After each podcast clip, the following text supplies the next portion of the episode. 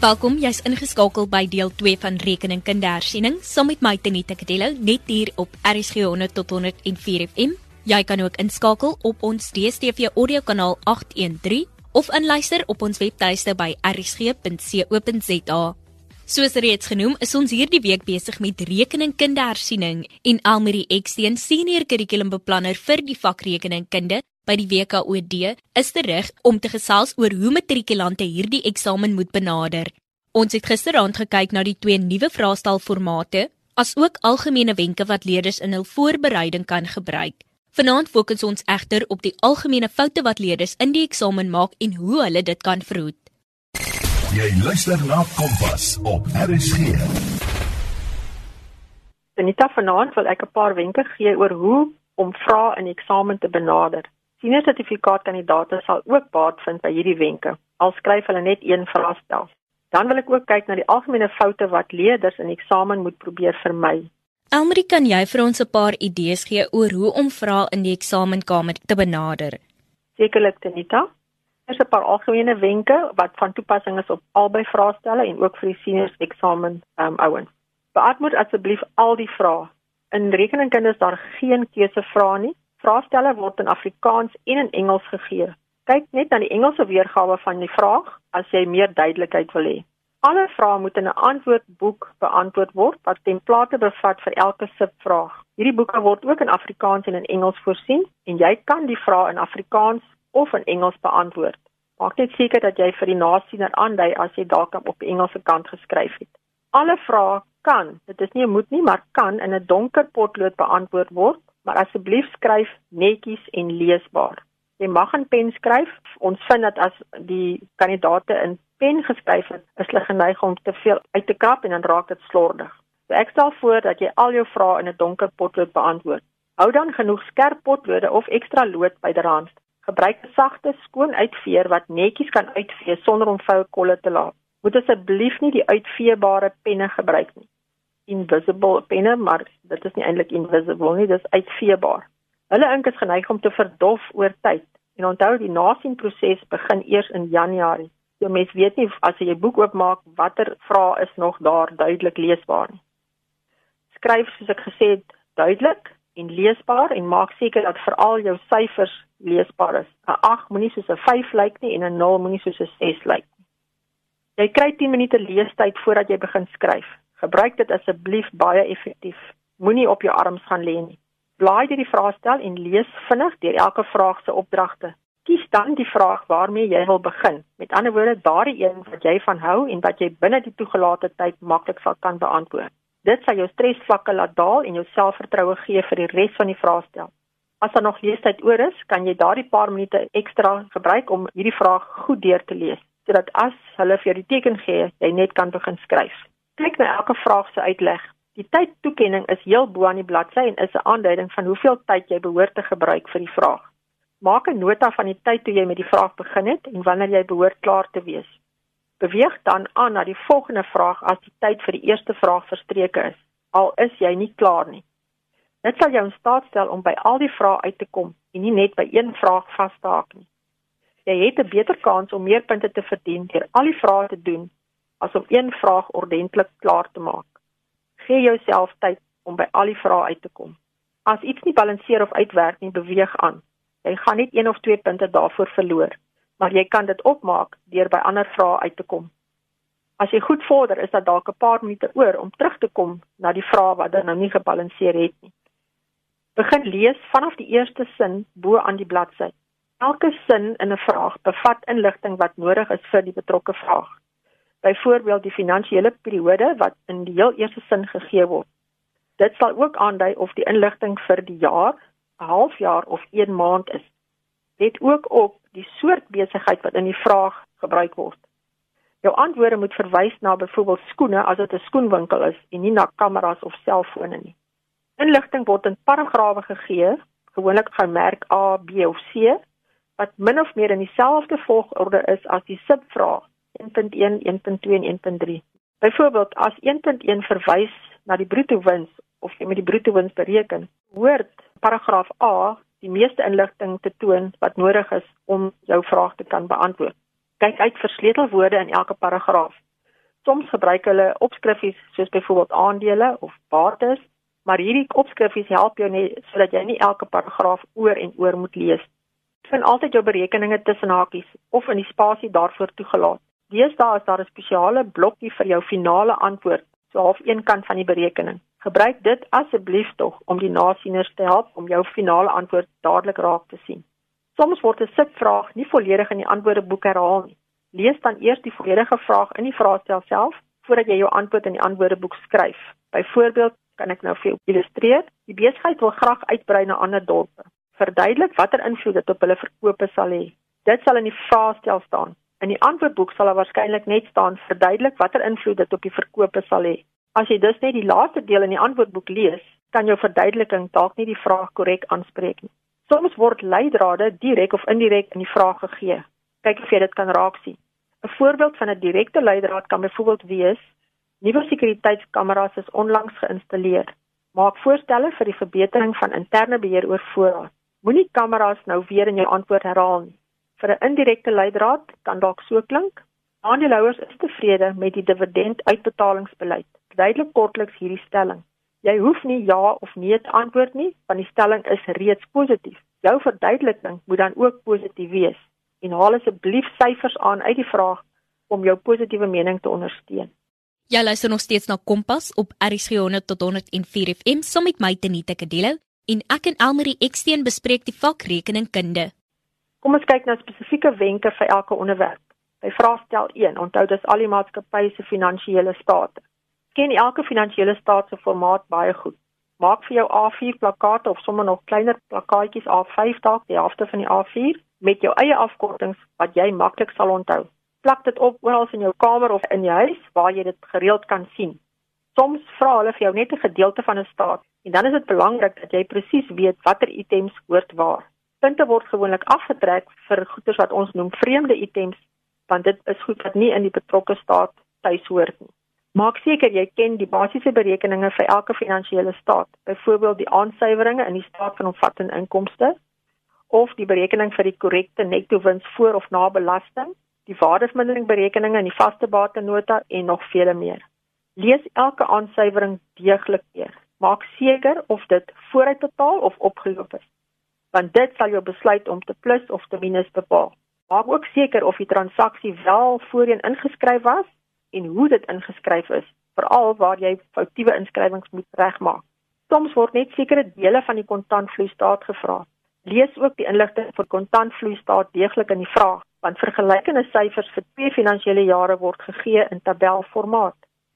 Maak seker dat dit die huidige jaar wel in die eerste kolom is en die vorige jaar in die tweede kolom, sodat jy die kontant invloei en die kontant uitvloei syfers korrek kan bereken. Jy kan maklike basiese punte verdien in die finansiële state. Die maklike punte is wat ek bedoel met ehm um, dit jy nie nodig om dit te bereken nie. Nou hoe kan jy hierdie maklike basiese punte verdien? Jy kan die bedrag wat in die vraag gegee word eers tussen hakies in jou antwoordboek oorskryf voordat jy die aansuiweringe een vir een deurgaan. Toon ook jou bewerkings duidelik om deelpunte te verdien vir die stappe in jou berekeninge. Kom ons kyk na vraestel 2 se onderwerpe bankrekonsiliasie of bankversoening. Lees die vraag deeglik en let op die verskillende datums in die vraag. Sommige inligting is op die vorige maand van toepassing en ander vir die huidige maand. Kyk ook in jou antwoordeboek na die uitleg van die bankversoeningsstaat. Dit toon gewoonlik twee bedragkolomme sonder opskrifte. As jy gewoond is aan die een kolom metode, gebruik dan net die eerste kolom. As jy die twee kolom metode gebruik, moet jy asseblief seker maak dat jy debiet en kredietopskrifte bo aan jou kolomme inskryf. Maak seker dat jy die bankversoening se reëls baie goed ken sodat jy presies weet watter items in die joernale en watter items in die bankversoeningsstaat moet kom. Krediteure versoening. Sulke vrae moet jy ook deeglik lees want jy moet kan identifiseer wie is ons, dis van die besigheid en wie is die krediteur. Krediteure word gekrediteer as die skuld vermeerder en gedebiteer as skuld verminder.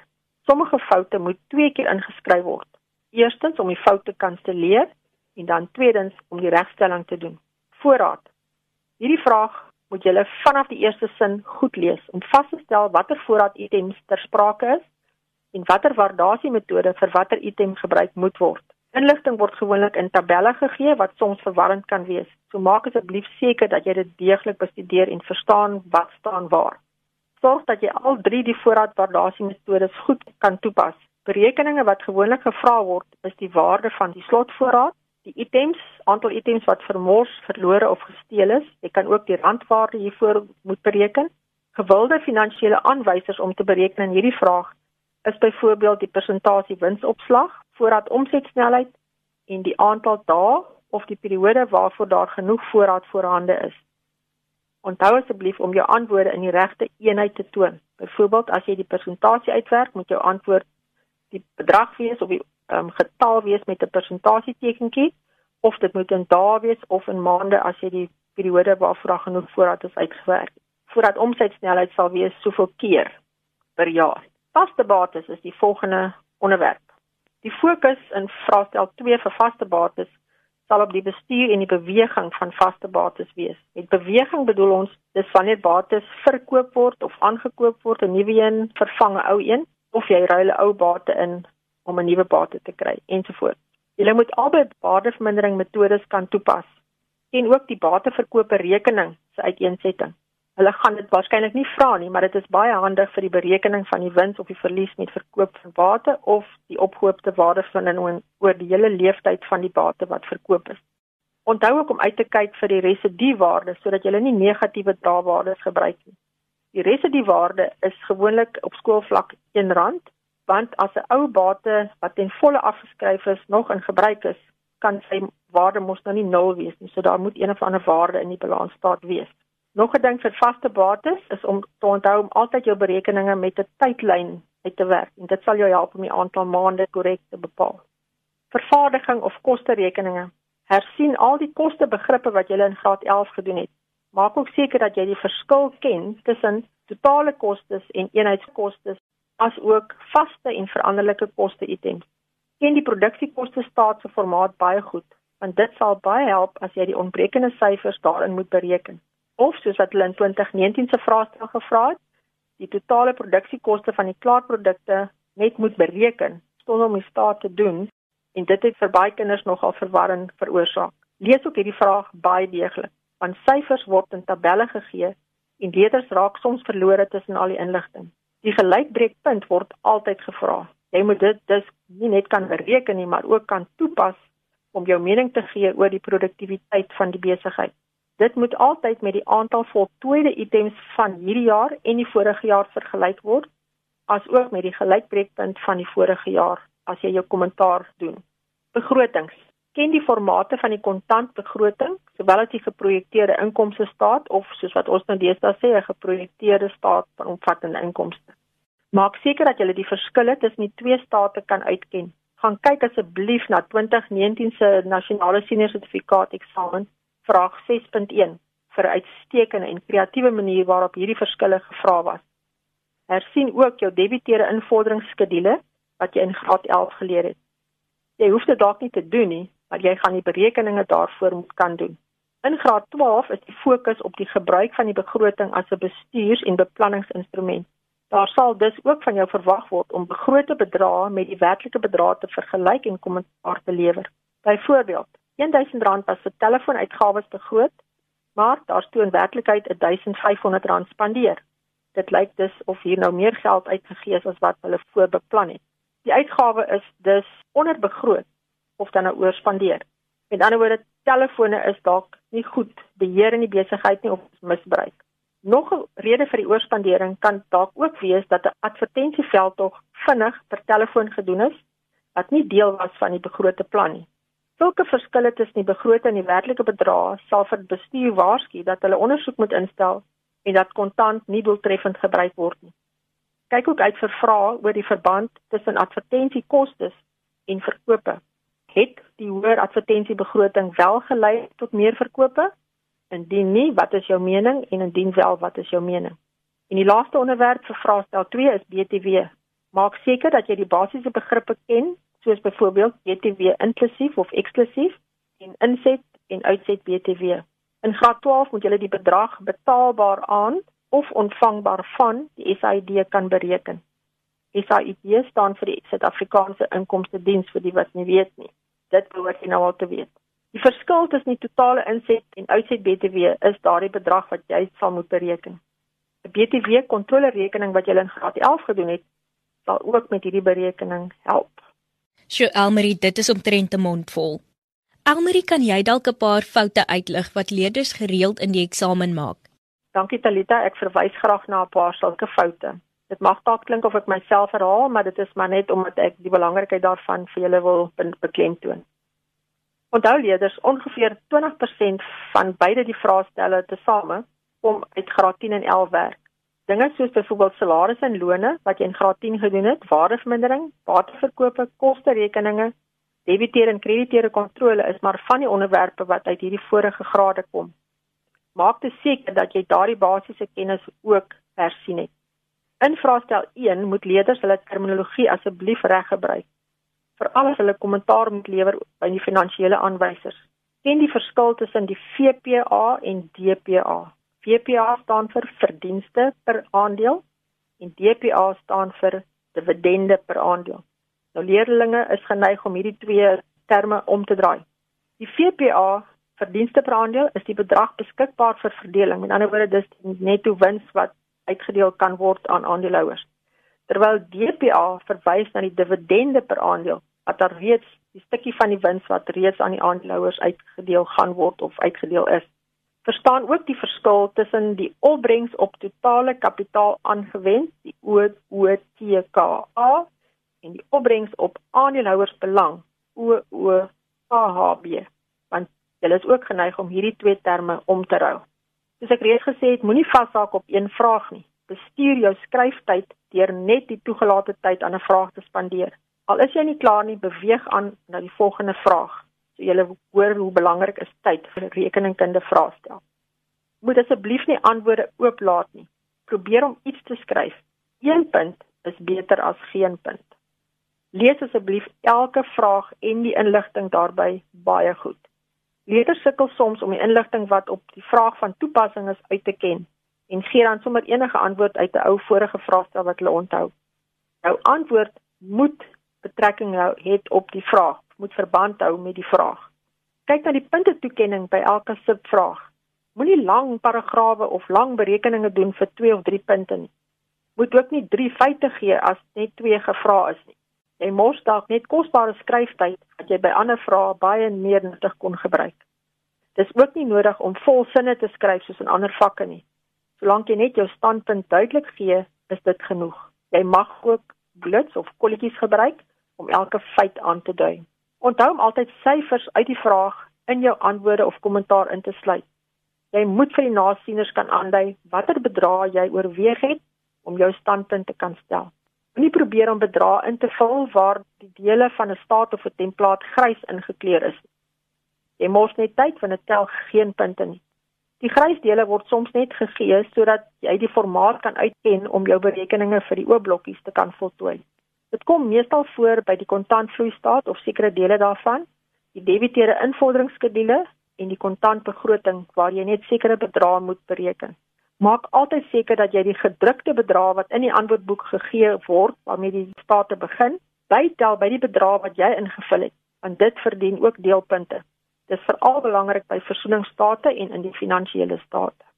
Almarie dan net ten slotte, is daar enige opmerkings, raad of voorstelle wat jy vir oulaas aan die graad 12 rekeningkunde klas van 2020 wil gee? Ja, dankie Tanita vir hierdie geleentheid om met al my kinders en rekonderwysers te kon gesels. Dit was regtig 'n voorreg. Eerstens wil ek net van WKOD se kant af vir elke onderwyser baie baie dankie sê dat hulle te midde van baie uitdagings hulle leerders positief gehou het en gemotiveer het om nie moed op te gee nie.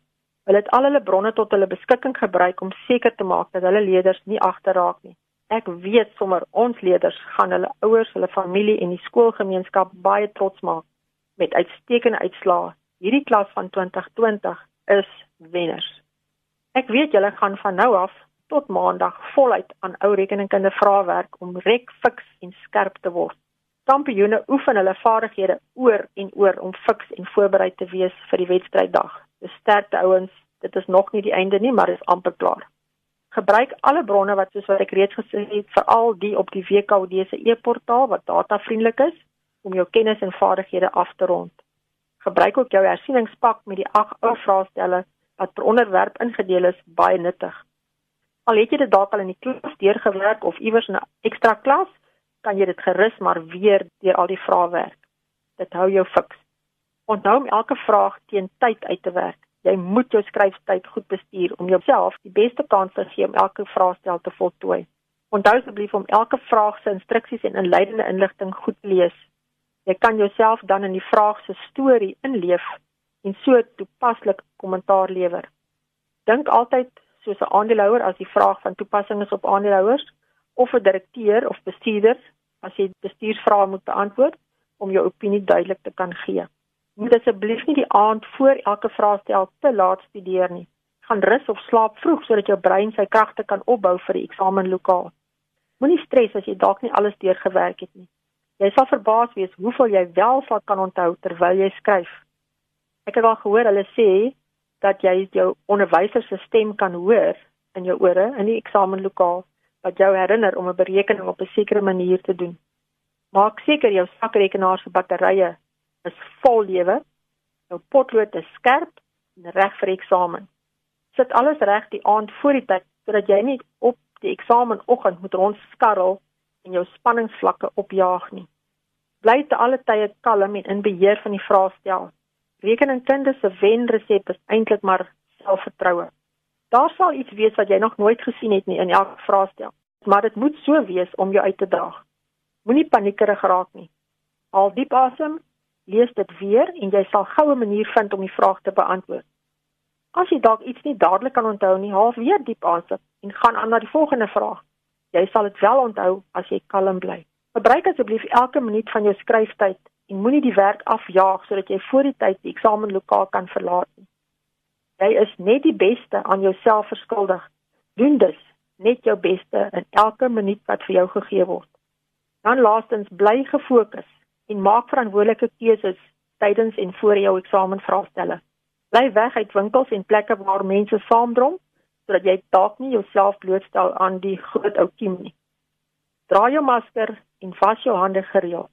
Alles van die allerbeste vir elke matrikulant en matriekondersteuner.